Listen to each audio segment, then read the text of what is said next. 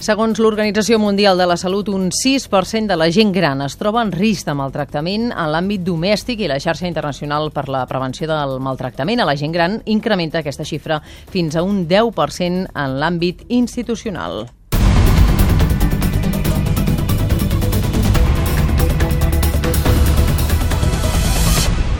Per aquest motiu, al micròfon de servei d'avui descobrirem una iniciativa del Departament de Benestar i Família i l'obra social La Caixa per donar eines als professionals dels àmbits socials i també de la salut per identificar la situació i actuar amb més competències. Purificació Barceló, bon dia. Hola, bon dia. Estem al Palau Macaya de Barcelona de l'Obra Social La Caixa, on avui es fa una jornada molt especial dirigida a professionals dels serveis socials. L'objectiu és donar-los eines per prevenir el maltractament a la gent gran. Tenim a nosaltres la secretària de Família de la Generalitat, Dolors Gordi. Bon dia. Hola, bon dia. Estem parlant de dades a nivell internacional, un 6% de possible maltractament en l'àmbit domèstic, un 10% si parlem de les institucions. Tenim dades de Catalunya? Hi ha dades concretes de Catalunya a nivell de percentatges. Nosaltres des del Departament de Benestar i Família no les tenim eh, concretades perquè doncs, les dades només s'obtenen o d'estudis sociològics que també molts són aproximatius perquè hi ha,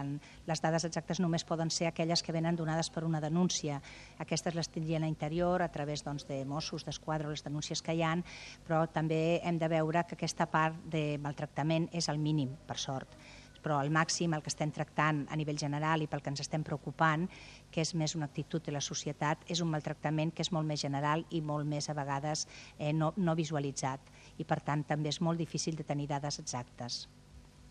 Aquesta formació que reben avui aquests professionals té com a base l'anomenat protocol MARC contra el maltractament a les persones grans. Quines són algunes de les eines de prevenció que poden utilitzar aquests treballadors? A veure, en aquí el que se'ls dona hi ha dos tipus de formació, una que la d'avui, amb què són per persones que estan ja treballant amb gent gran, i el que se'ls fa sobretot és reflexionar sobre aspectes que de vegades doncs, poden donar indicis de que aquella persona està rebent un maltracte, ja sigui per la seva família o ja sigui per alguna persona de la pròpia institució en la que està institucionalitzada. Entendríem per maltracte doncs, des del maltracte físic, que aquest és relativament el més senzill de poder veure, encara que a vegades també hi ha persones grans que tenen facilitat doncs, perquè els hi pugui sortir un hematoma amb un petit cop i no té que ser producte d'un maltractament, però tot i així doncs, cal estar amatent a si es reiteren doncs, aspectes físics que puguin donar a entendre que pot, aquella persona pot rebre algun tipus de maltracte, aspectes psicològics que a vegades són més complicats però que Normalment la persona doncs, demostra canvis d'humor, demostra tristesa, demostra aspectes una mica doncs, depressius, a vegades doncs, eh, qüestions doncs, que verbalitza, que pot dir en un moment donat i que et poden donar indicis al professional doncs, de que realment pot haver-hi algun tipus de maltractament doncs, psicològic o emocional al darrere. Eh, I després doncs, hi ha tipus, exemple, també en aquest cas, en aquests moments s'està donant també molt el cas de maltracte econòmic, donades també a vegades les situacions econòmiques que pateixen les famílies, doncs aquí també doncs, són uns aspectes en el que el professional ha d'estar-hi amatent, ha d'estar vigilant una mica a veure què és el que passa amb aquesta situació hi ha diferents aspectes doncs, a tenir en compte. Amb aquest curs, doncs, d'alguna manera, són cinc hores i, per tant, no es pretén tant ensenyar a, sinó a fer reflexionar els professionals que ja hi són a que algunes de les situacions que veuen en el dia a dia i que potser no han caigut en la compte en què podrien ser un símptoma de maltractament, doncs que se n'adonin i que, si més no, ho segueixin i mirin si hi ha algun problema al darrere o no. I en els casos en els quals sí que es detecta un possible maltractament, sigui tant psicològic com físic, quin és el protocol que se segueix? A veure, al moment que se sospita que hi ha un possible maltractament, el que té que fer el professional, en primer lloc, és donar compte a serveis socials, bueno, veure, de fer una avaluació, la persona es fa una avaluació primer física, en el cas de que el maltractament es sospités que és físic, per veure si de veritat doncs, hi ha indicis reals de que aquella persona té un maltractament. Després el psicològic, per tant també doncs, tot un anàlisi psicològic veient aquella persona en quina situació està i si realment aquests indicis són realment producte d'un maltractament seriós o real o, o no.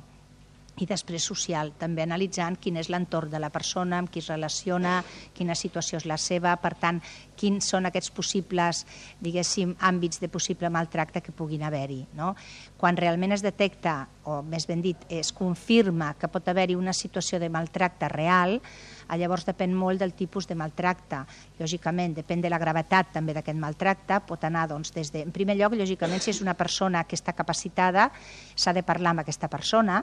fer-lo conscient de que està sent maltractat, que a vegades és el primer pas que aquesta persona no n'és conscient ni ell mateix de que això és un maltracte.